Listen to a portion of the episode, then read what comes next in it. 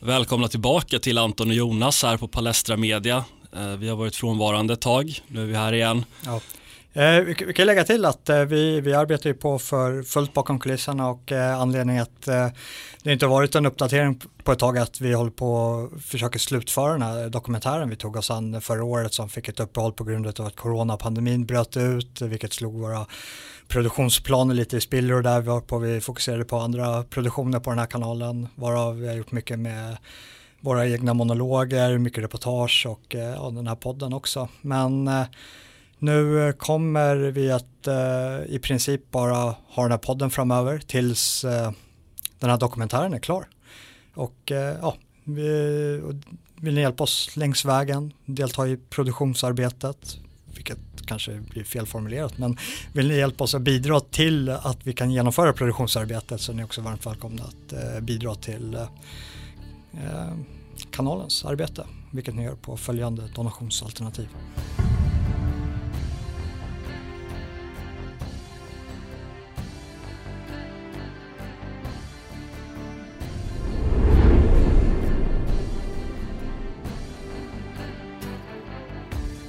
Bra. Ja, kör vi. Men idag blir det, blir det ingenting med det att göra. Nej. Utan idag ska vi prata om den här eh, dokumentären om Soran Ismail som SVT släppte för ett litet tag sedan. Vill du dra bakgrundsstoryn uh, först lite? Gärna. Bakgrunden till det här är ju att under eh, 2000, 2018 så kom ju något, ett, ett stort kulturellt och socialt fenomen som fick namnet metoo. Och eh, det in, upprinnelsen var väl som det brukar vara händelser i USA och där en rad unga, unga kvinnor gick ut och eh, anklagade den här mediemogulen Harvey Weinstein för olika typer av trakasserier och sexuella närmanden och sådana där saker. Och sen fick där en svensk upplaga också i form av att eh, opinionsbildaren Sissi Wallin gick ut och anklagade Fredrik Virtanen för att han skulle ha våldtagit henne under mm. flera år tidigare. Och metoo blev ju ett enormt mediefenomen som fick enorm uppmärksamhet och det bildades massa hashtags och olika grupper och eh, ja, det var många tidningsredaktioner och yrkesskrån och sånt där som, som gick ut då så började man prata om uh, olika typer av missförhållanden då med män som tog sig friheter och, och inte respekterade det täcka könet. Och det fanns ju en gemensam nämnare bland alla män som blev eh, anklagade också.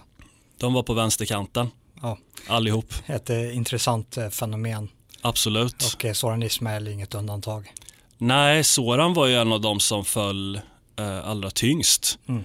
Och det är lite som de säger i dokumentären att Soran var ju inte bara en komiker utan han var ju en eh, han var någon sorts, eh, vad ska man säga, han var en en profil inom, inom godhet i, i, brist på bättre termer. Att han var ju en person som pratade om jämställdhet och antirasism och, och massa saker som, som står på dagordningen och som man ska tycka som progressiv samhällsmedborgare i Sverige. Men han checkade väl i princip samma boxar som eh, Zlatan gjorde? Ja, ungefär. Han ansågs väl vara ett exempel på en, en välintegrerad invandrare som, som bidrog till det offentliga samtalet. Ja och därmed väl värd att lyfta upp. Och jag tror att det var väl han vid sidan av den här Björn Gustafsson som var den yngsta deltagaren då i, i parlamentet och de här humorprogrammen på eh, statliga televisionen. Mm, precis, han fick en, han fick en raketkarriär. Mm. Och det som är, jag ska säga att Soran är ju anklagad för diverse övergrepp men han har inte blivit fälld för någonting utan alla eh, förundersökningar mot honom har lagts ner. Så han har aldrig blivit dömd för någonting. Mm. Det kanske förtjänar att sägas. Men de här anklagelserna står ju kvar.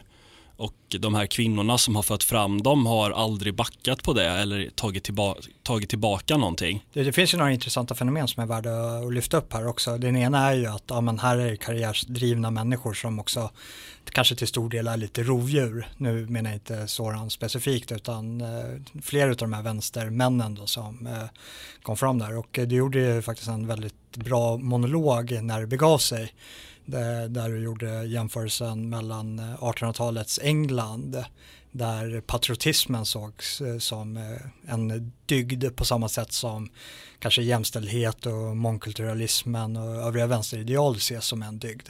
Varpå det blir den här sista tillflykten för eh, vad, vad blev det? Scoundrels? Var det Exakt. Det finns ju en stor brittisk författare, Samuel Johnson, som sa att Patriotism is the last refuge of a scoundrel. Och det, det är ju inte så svårt att tänka sig egentligen att, att alla de här människorna som, som har rovdrifter av olika slag men samtidigt är lite slipade, mm. att de förstår ju vad som är att de måste, i tidsandan. Ja, att de, de söker sig till det som är socialt accepterat. Och så till det yttre då så pratade de om jämställdhet och antirasism och jämlikhet och, och vad det nu kan handla om. Och sen har de ett beteende som är helt motsatt. Mm. För det var ju inte bara Soran som råkade ut för det här, eller råkade ut för, det var ju de andra som, det var ju uppenbarligen de här kvinnorna som råkade ut för Soran, men som blev indragna i processen. Det var ju även den här Oisin Cantwell, om du vet vem det är. Som är... jag, jag, är väl bekant höll jag på att säga. Jag är väl bekant med honom, jag, jag har aldrig träffat honom som tur är. Nej, han blev ju också, jag såg någon, om det var på Twitter eller något sånt där om honom att han så skulle ha tryckt in kvinnor i typ skrubbar och försökt ja. hångla med dem. Och men, sånt men det, det, det, finns en eh, gemensam nämnare här med de här och det är att det, det, är ganska sliskiga människor. Det är människor som om de inte hade gjort en karriär genom den här dygdesignaleringen eller att de satt på rätt eh, eh egenskaper i Sorans fall att han var en eh, minoritetsflykting och välintegrerad och kan passa som ett exempel på på eh, vad mångkulturen kan föra med sig i god bemärkelse utifrån deras perspektiv. Det var ju att alla de här är losers mm. utanför eh, sitt kändisskap. Och det framkommer i den här dokumentären om Soran också att han hade ju ett eh, liv i eh, nedre delen av eh, statushierarkin. Att eh, han är öppen med att han var oskuld när han gjorde sitt genomslag i parlamentet och då var han 20 år. Och det finns ju en tendens med eh, attraktion att eh, kvinnor finner ju män som är eh, ja, uppskattade av samhället och sånt där. Det, finns, det, det bidrar till attraktionskraften för, hos kändisar. Mm. Och det är i synnerhet fall det är manliga kändisar med eh, tjejer då, som fangirlar de här. Det är inte lika starkt åt uh, andra hållet, även fast det också såklart existerar. De, de drar, framgång drar helt enkelt. Ja. Det, det är bara så enkelt. Och eh, det här var ju en helt ny värld som öppnades upp för Soran och han fick tillgång till en köttmarknad som tidigare hade varit eh, stängd för han. Exakt. Och det, är, det är lite, lite obehagligt nästan att han säger det att han, han ville helst ligga med svenska tjejer. Mm. Han var inte så intresserad av, av, av andra invandrartjejer utan de, det, skulle vara, det skulle vara svenska kvinnor som han var främst ute efter för att, för att liksom hävda sig på något sätt. Ja, det är, väl, det är väl också kanske, nu spekulerar jag, men det är väl också kanske, det ligger väl någonting i statussymbolen där. Mm. Men det som jag tycker är intressant med det här, det är ju att den här dokumentären, eh, den tar ju Sorans perspektiv mm. och, och, lyfter fram honom. Och eh, det, det, har blivit någon sorts eh, kontrovers, skulle man väl kunna säga, mellan två olika skikt av medieetablissemanget, kulturetablissemanget.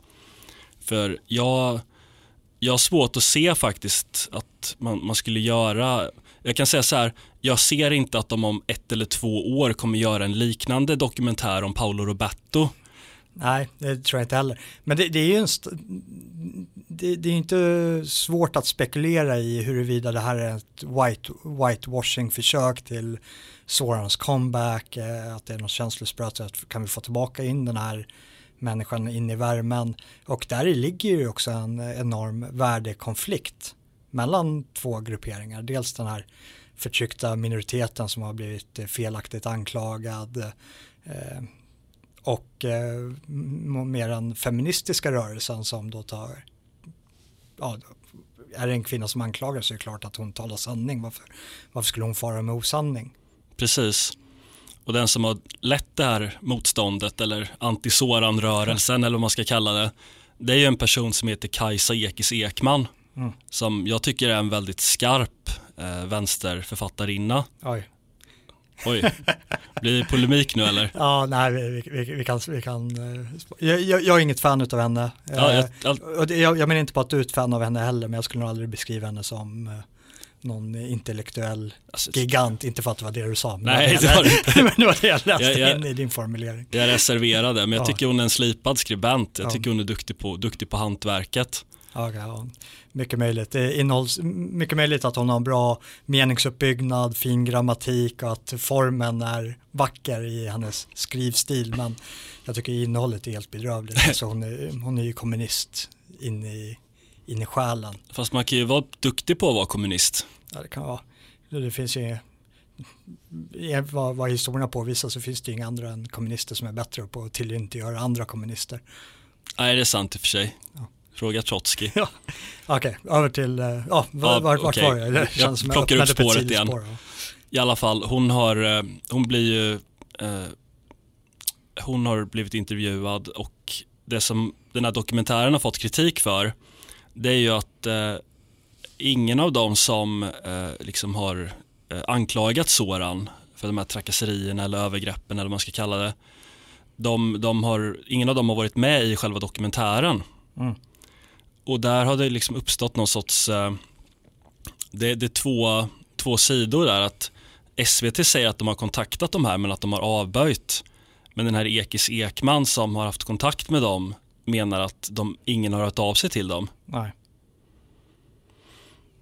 Och det, ja, jag vet inte. Det, det, det, blir, det blir ändå någonstans den här märkliga intressekonflikten. Ja, men det, det, det är en förtroendefråga. Eh, jag, jag har inget förtroende alls för statlig television. Över hur eh, de gör sina dokumentärfilmer. Eh, Min erfarenhet av SVT är att oftast när de sätter sig, nu kan det ju skilja sig på vad de köper in och vad som är en e- egen eh, produktion och eh, vem eh, det är som gör det. Men det är ju att de, för så har de ju sin story klar innan de ens börjar filma. Oftast, dokumentärfilmer ska oftast vara en sökande process där man ska ta reda på hur, över hur någonting förhåller sig. Men när det kommer till den här typen av dokumentärfilmer där det framstår som att ja, det här är en tydlig känslospröt över kan vi få tillbaka Soran in i eten. Ja, men då kanske det inte är jättegynnsamt med att få med någon av de här tjejerna. Så man gör ett taffligt försök över att man hävdar att man har sökt kontakt med dem, vilket man kanske har. Man kanske, eh, de, de skrev ju att de har försökt nå de här tjejerna via målsägande beträdena men de har inte fått återkoppling av två av dem varav en återkopplade nekade. De, de kan ju skrivit det från någon spam-e-post som hamnat i skräpkorgen och så tar de en screenprint på sitt utskickade mejl och bara nej, men det är ingen som har svarat på det här. Vi har gjort vårt försök till att nå dem. Vilket Mm. jag, jag betvivlar att de verkligen har gjort en större ansträngning till att nå dem. Och sen finns det ju en annan förtroendefråga och det är, det är ju från tjejerna. Så vad, vad är det för...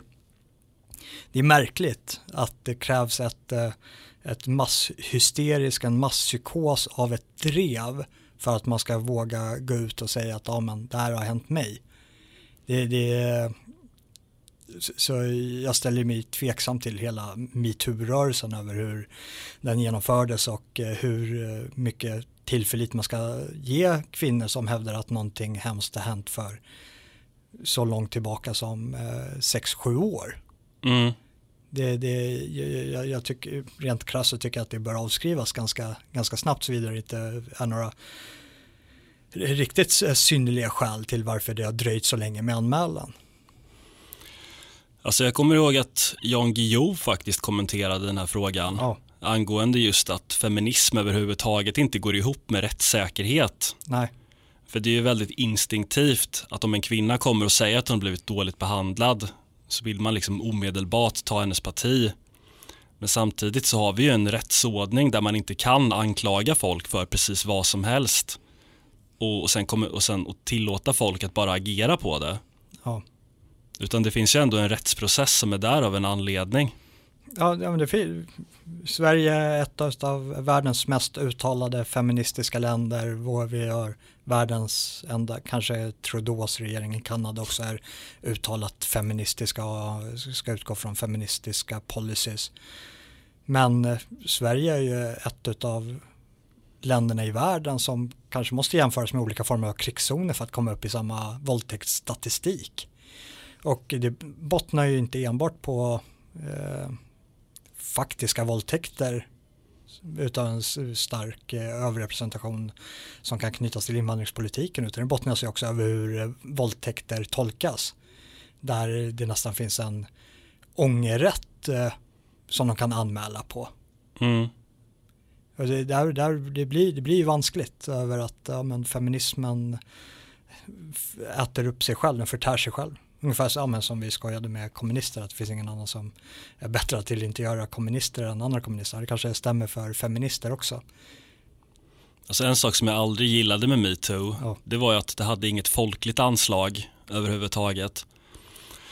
Utan det blev som det så ofta blir en sorts uppvisning i kändisnarcissism. Ja. Alltså var det några eh, inom citationstecken normala kvinnor som fick någon uppmärksamhet överhuvudtaget Därför att det enda man kunde se på alla hashtags det var ju för olika typer av grupper, skådespelare, mus, artister, jurister och olika typer av ganska privilegierade grupper. Ja, det var, det var ett spektakel och där passade väl eh, eh, förövarbilden också mer det allmänna narrativet. För borde det vara en feministisk rörelse rörande sexuellt våld och sexuellt övergrepp så är det ju Eh, de överfallsvåldtäkter som sveper över det här landet. Mm. Det, det är där det verkligen finns ett enormt påtagligt hot än vad all, alla de här metoo-exemplen har att göra med där ja, det är alltid en kändis, det är alltid en person som det har varit någon form av relation med över att de kände varandra, de ingick i varandras privata sfärer och eh, sen utav insett i valfri anledning så valde man inte att anmäla på x antal år förrän det passade då. Mm. Någon som blev extremt illa behandlad i det där, det var ju Lasse Kroner. Ja, ja det, det, det känner jag inte till, det, det har jag missat. Det blev ju en ganska ja. stor sak att uh, han blev ju uh, anklagad och fick ta time-out och allting. Ja. Men sen uppdagades det ju att det här var en kvinna som han hade haft ett förhållande med när allt det här skulle ha skett. Ja. under samma tid har hon liksom skickat honom gulliga sms och, och allt möjligt liksom. Ja. Så där var det ju bara en scam rakt av. Ja.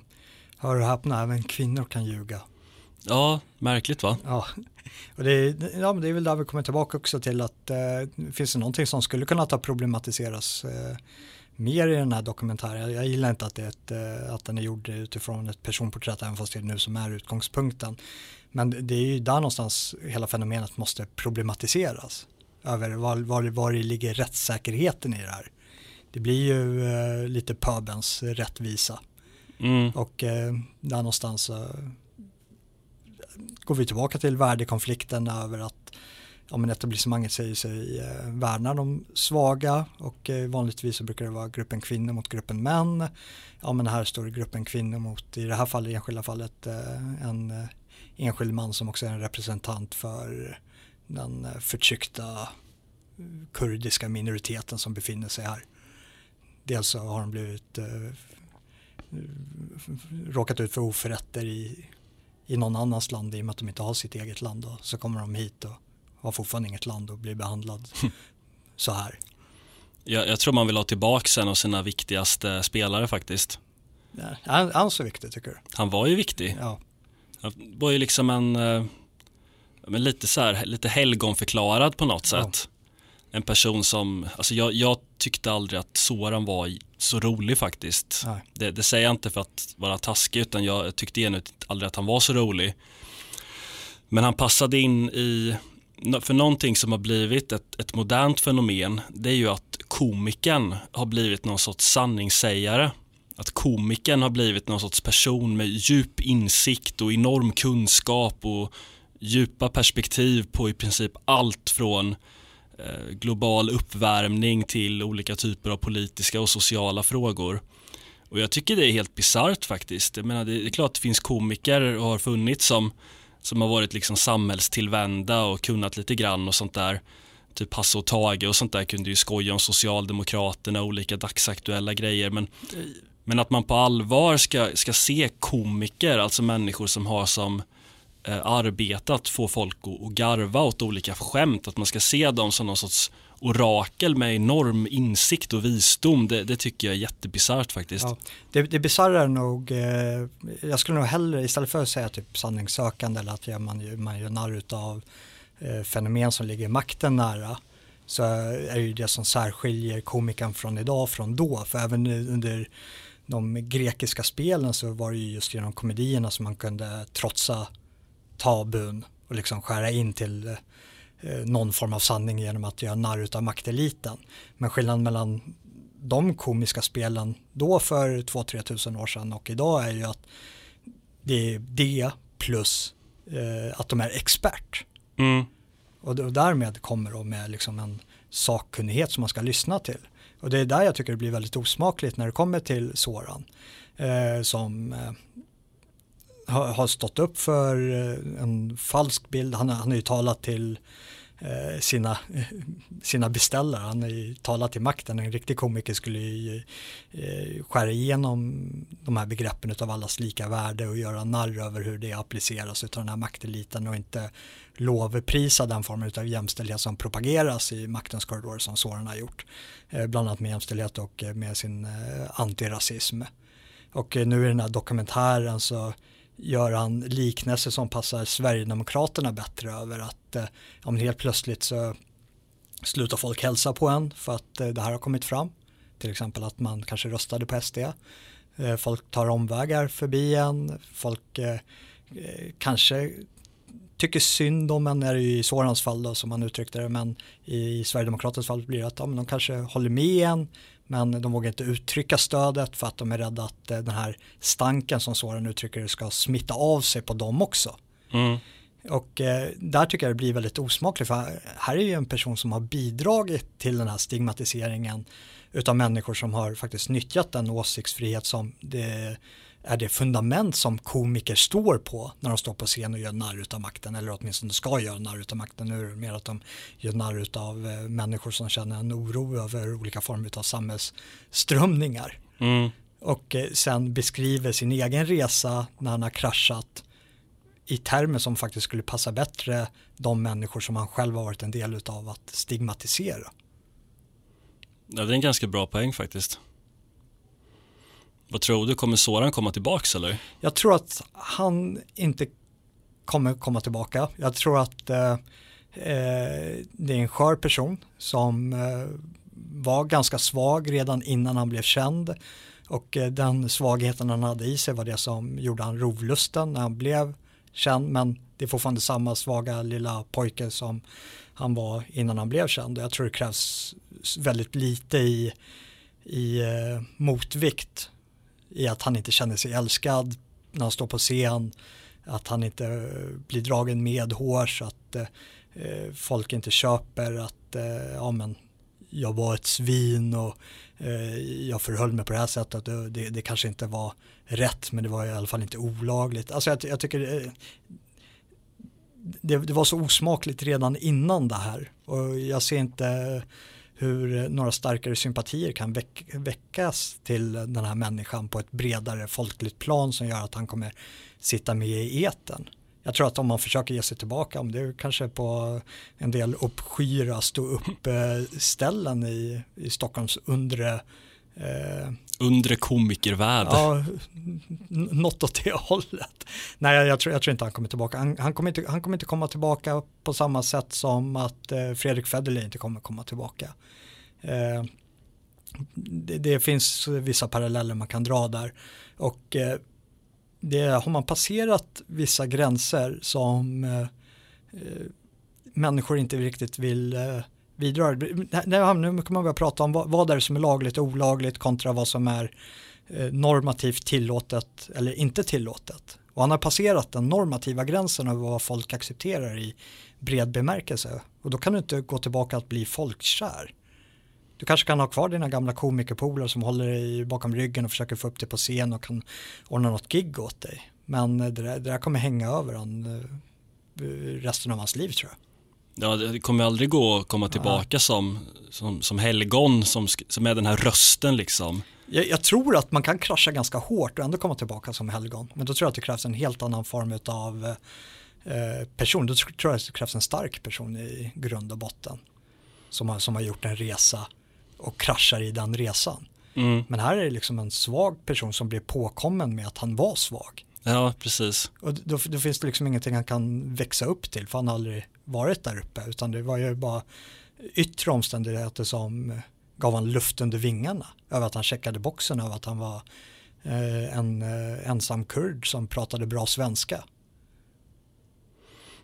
Jag skulle vilja säga en avslutande grej också. Ja, Jag, jag tycker om att följa alla de här gamla amerikanska marinsoldaterna och allt vad det är på typ Instagram och sånt där. Ja. Tim Kennedy och Jocko Willink och, och sådana där. ja där, där, där har du karaktärer som skulle kunna krascha och ändå sen kunna komma tillbaka och liksom vara lika hyllade som de var innan. precis. Ifall de har liksom lärt sig av resan. Exakt, eller Ja. personer som David Goggins, Cameron Haynes. Mm. David Goggins har skrivit en väldigt intressant bok om sin, sin livsresa. Men det som jag tycker är intressant med, med just den typen av människor, det är väl den livs, livsåskådningen de lite predikar. Det här att man ska äga sina misstag. Ja, Ingen bryr sig, jobba hårdare, som Cameron Haynes brukar säga. Jocko Willink har ju skrivit den här boken om extreme ownership. Det vill säga att man ska nästan gå till överdrift när det Ja. gäller till att ta på sig allt som händer en. Utan man ska inte bara skylla på att ah, men det råkade bli så eller jag blev full eller det var någon annans fel. Utan, eller, eller åt andra hållet känna sig berättigad. mm, just det, man är inte en title till någonting. Nej. Och jag kan tycka att alla de här typerna som beslogs i metoo, Soran och Esan Faddakar och eh, vad fan heter han, eh, Fredrik eh, Virtanen, jag höll på att säga Mm. Federley men han var faktiskt Ja. aldrig med där. Och, och Cantwell och alla de här, det, det är liksom ingen som riktigt har gått ut och, och bara sagt att jag gjorde fel. Nej. Utan det är alltid bara en massa gnäll och "Ah, jag var osäker och, och jag råkade, det blev så här. Jag tyckte det var samma sak med Paolo Roberto. Ja. Han, och det blev nästan, jag tyckte nästan det var lite värre i hans fall för han försöker ju liksom utmåla sig som någon sorts karakar som en tuff gammal kampspottare och gatufighter och sånt där och, som går upp klockan fyra på morgonen och springer en mil och gör 600 armhävningar och sånt där.